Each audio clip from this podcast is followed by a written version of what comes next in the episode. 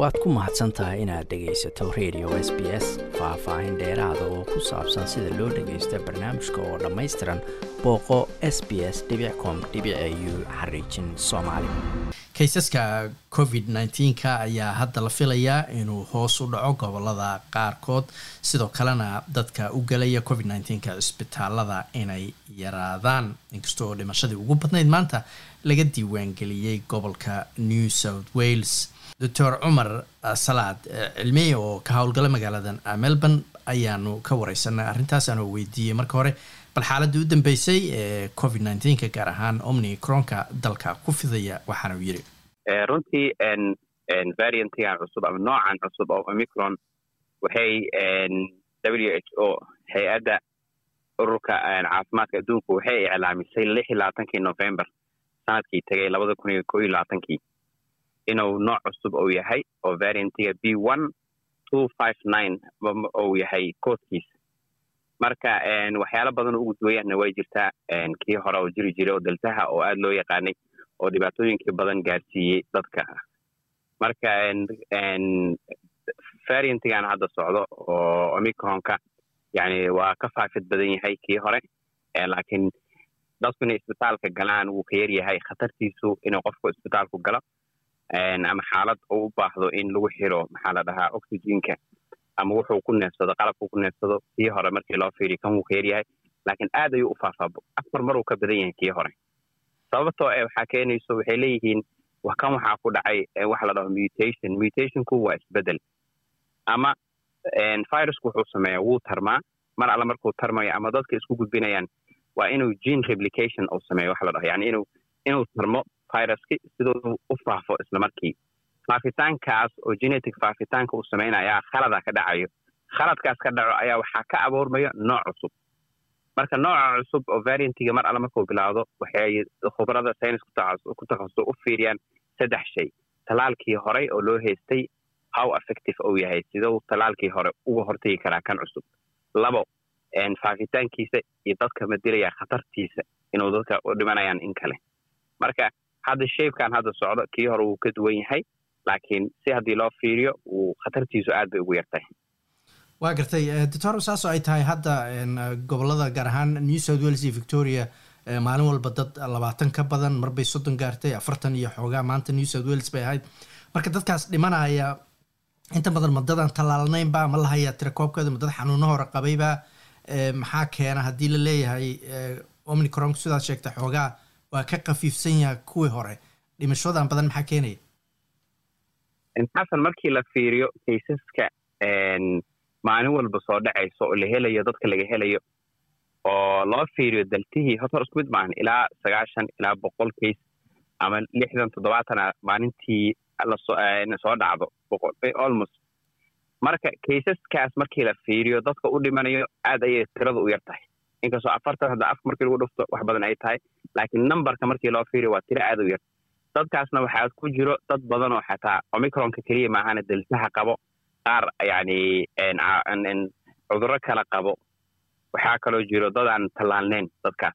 Inkastoo tiradooda aysa aad u fara badneen laakiin dadku waxay iskugu jiraan dad aad u waayeela u aad u waaweyn cudurro kala qabo iyo daltihiina meesha waa ku jira. Oo cudurkii hore daltaha kama marno oo kaysaska qaar xitaa dadka qaar waxay qabaan daltaha saasaa markayso inay tirada ay sii ziyaado waa gartay doctorow xanuunkan hadda waqti badan buu soo socday. Sidaad sheegtay mutation kala duwan buu soo maray oo delta oo omnicron hay'adda qaramada midoobe caafimaadka u qaabilsan dhowaan hadal bay sheegtay ay leedahay bandemic inuu ka gudbaa laga yaabaa macnaheedu sidaan u fahmay ay tahay in xanuun adduunka oo dhan ku fida oo uu noqdo endemic maxaa loola jeeday? Runtii waa su'aal aada u fiican usbuuc ka hor ayaa waxaa jiro qoraal ay soo saartay w h o ga.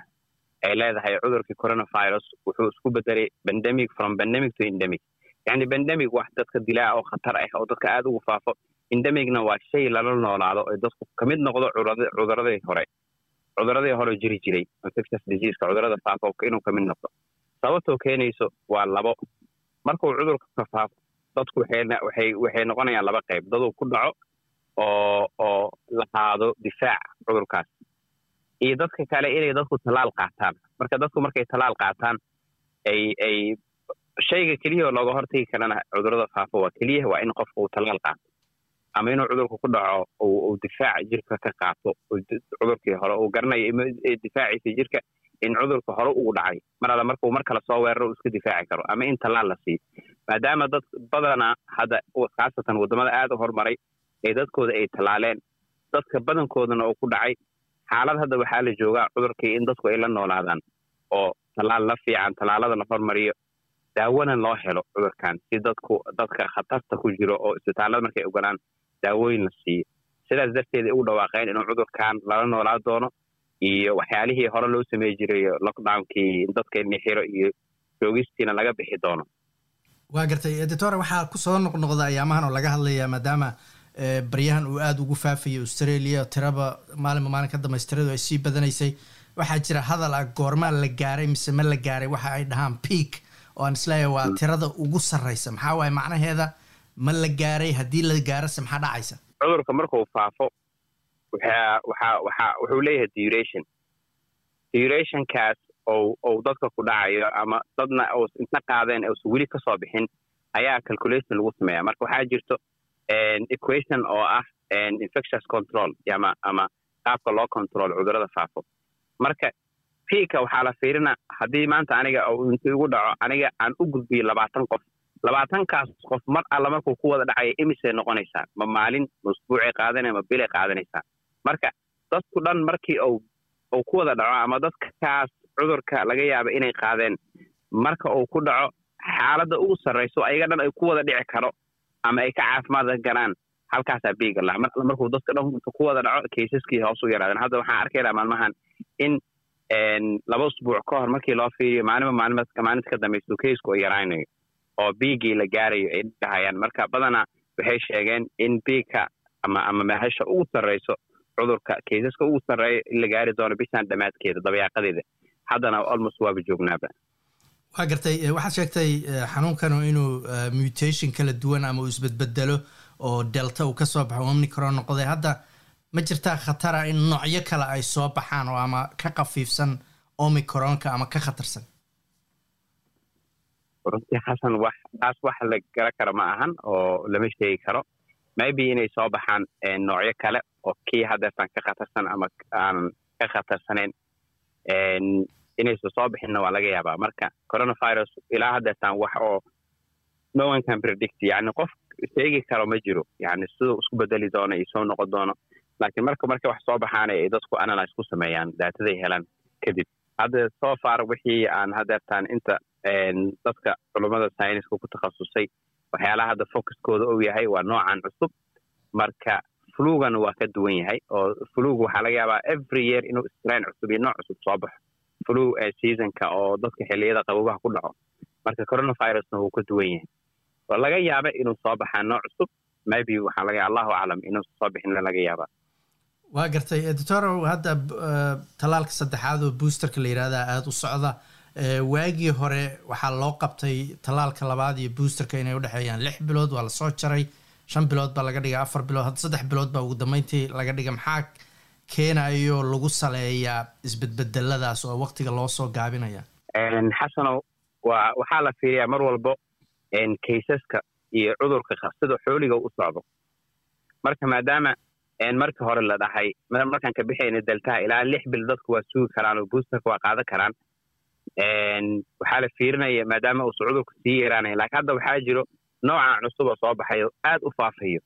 Marka dadkuna difaacoodu mar walba ay waktigu waktigay qaateen uu sii dheeraanayo. Masalan saddex bil ka hadduu qaato qofka difaaciisa jirka hoosu u sii soconaya immune systemka drop uu sameynaya antibodigiis marka maadaama difaaci jirka hoos u sii socdo waktina waktiguu qaatana wakti u dhexeeyo ilaa haddeertaan waxaa fiican qofka inuu boosterka qaato. Boosterka difaaci jirku mar kale kor u qaadayo waa cudurkii oo kale lagugu durayo talaalka si aad iskaga difaacid marka inuu hadduu kugu dhaco marka sidaas darteed ay fiiriyaan waxay fiiriyaan dadka qaatay tallaaladii goormay ugu dambeysay qofka ugu dambeysay tiraday haystaan iyo qofka ugu horreysay sidaas darteed ay dhahaan qofka lix bil markaa gaartay iyo saddex bil markaa gaartay horaa ka qaadan kartaa waa gartay waagii hore waxaa la dhihi jiray qofku haddii isagoo tallaalka aan qaadan uu xanuunku ku dhaco tallaalka ma qaadan karo ilaa bilo uu sugo ama lix bilood iyo wax la mida boosterku ma ka duwan yahay oo haddii qofka xanuunku ku dhaco boosterka ma inuu waqti sugaa mise markiiba waa qaadan karaa?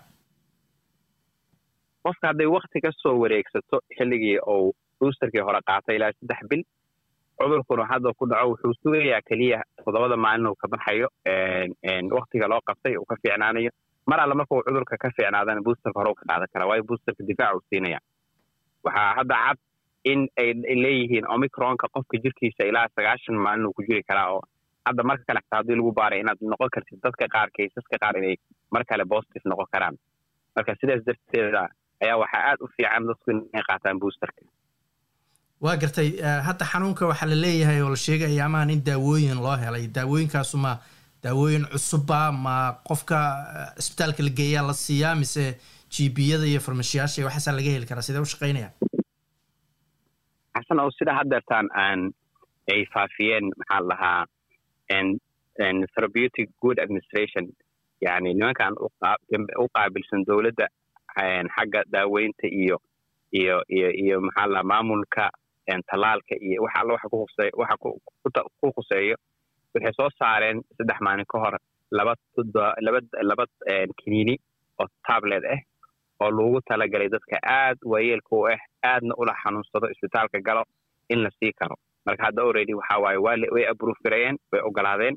Waxay sugayaan keliya in ay pharmaceutical company kambaniyaasha daawada ay soo saaraan dalabkooda ka dalbadeen daawooyinkaas kadibna la siiyo dadka aad ula tabardala cudurka markay isbitaalka galaan. Waa gartay doctor dadka marka la baarayo waxaa lagu baari jiray nidaamkan ama qalabkan p c r ka la yidhaahdo inta badan ay samayn jireen dad shaqaale caafimaad ama cisbitaal ha noqoto ama dad tababaran lakiin hadda kaas inta badan waa laga gudbayaayo noocan rapid antigen testiga loo gudbayaa maxaa nooga sheegi kartaa? Maxay ku kala duwan yihiin isticmaaladan iyo sababaha hadda midkan uu u soo badanayo? Labada test markii la isku fiiriyo p c r ku waa ka wakti dheer yahay oo waa ka adagya waayo waa genetic test qofka in la soo qaado. Process badan uu marayaa wakti uu qaadanaya ugu yaraan laba saac saddex saac uu qaadanaya halkii sambal in la process gareeyo marka maadaama dadku ay wada sugi karin adag tahana qof walba inuu b c r aado qaalina uu yahay lacag badan baa dabcan ku baxaysa b c r ka waxaa ka fudud rapid antigen testiga baalkan yar oo sida streptiga qofkuu soo qaadanayo oo isagu isfiiri karo. B c r ku waa ka accuratesan yahay wuu ka saxsan yahay boqolkiiba sagaashan iyo shan. Kan markii la fiiriya laakiin kan naftigiis xitaa aada u caafiyey aada yani u caawiyey dad badan iyo iyo nimanka caafimaadka ku takhasusay oo kaysas badanaa la arka hadeertaan oo labadaba markii antigen testiga lagu fiiriyey positive markay noqdeen b c r kana positive ku soo baxay marka sidaas darteed waktigiisoo ka yar qarashkiisoo ka yar sidaas dartiisa hadda ay ay ay ay ay dhexeen dadku ha qaataan ana isku taskarayaan waa gartay. Ugu dambeynta doctora guud ahaan jaaliyadda soomaalida waxaad moodaa markaad maqashid faamilada iyo dadku markay wada hadlayaan soomaalida aad ugu dhacay bahalkan omicronka gaar ahaan jaaliyadaha sydney iyo melbourne oo kale. Maxaad is leedaha sababtu way tahay? Ma arrimeeni socialka soo noqday dadku aad bay u kulmaan ma laysu qariyaa? Maxaad is leedahay? Intaad information ka haysid jaaliyadda. Xasano cawaamil badanaa jirto yani asbaabo badan oo dadku hadda si aada ugu faafay khaasatan communitygeena ee dadka soomaaliyan ka dhalanay lamba marka koowaad qofku isma ogo maadaama tallaal ay qaateen dadka qaar ayagoo cudurka qabo oo asymptomatic ah waa calaamado lahayn ayay qofka kale u tegayaa saasay ugu faafinayaan.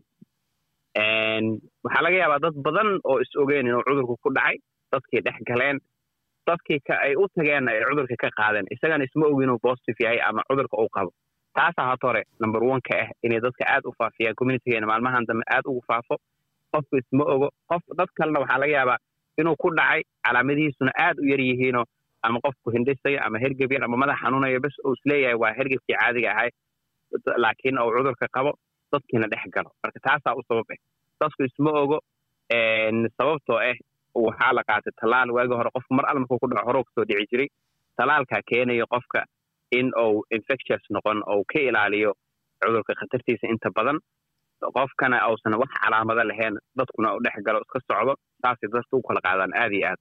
Marka waxaa fiican qofka waa hadduu isdareemo inuu iska joogo ama ama au la xiriira ilaha caafimaadka ama isoo taskare saasaa aan kula tali lahay saasaana wanaagsan. Intuu dadka kale khatar geli lahay. Waa garta marka waxaad leedahay tallaalka oo kale. Hadda ciddii weli aan istallaalin shaki kuma jiro tallaalku inuu shaqeeyo oo dadka uu ka caawinayo xanuunkan hadduu kugu dhaco. Aad iyo aad taas aaday u caddahay. Waagii hore aan aan ku jirnay xilligii daltaha oo dadku aysan talaal qabin. Waa arki jirnay dadku markuu ku dhaco siday dadku ula rafahaadi jireen oo khatarta u lahay laakiin haddeertan waxaa arkaysa qoysas badan dad aad u fara badan ku dhacay. Maalin walbana kayska labaatan laba iyo labaatan kun oo melbourne weligan hore uma arkin soddon kun afartan kun oo cases marka waxaa arkaysaa tallaalku siduu u caawiyey cudurkan oo u yareeyey khatartiisa aad u fara badneed marka laa shaka fi waxaana shaki ku jirin dadku inuu tallaalku wax faa'iido badan leeyahay. Qofkan hadda qaadanna inuu qaato waayo wax dhibaataa malaha dadka dhan way qaateen. Waana waana u jeednaa baalka tallaalku inuu safe yahay wax khatarna ma lahan. Marka waxaan kula talinayaa dadka weli tallaalka qaadan inay iska gaaraan oo tallaalka qaataan. Cudurkan meel uma socdo dadku inay na noolaadaan.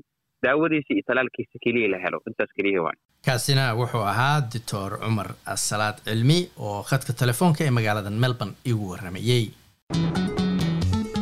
waad ku mahadsantahay inaad dhegaysato raadiyaha s b s. Toos u dhegaysa barnaamijka habeenada arbacada iyo jimcada tobanka fiidnimo. Ama kaga soo cesho website-ka iyaga iyo s b s radio app. Booqo s b s com au xariijin soomaali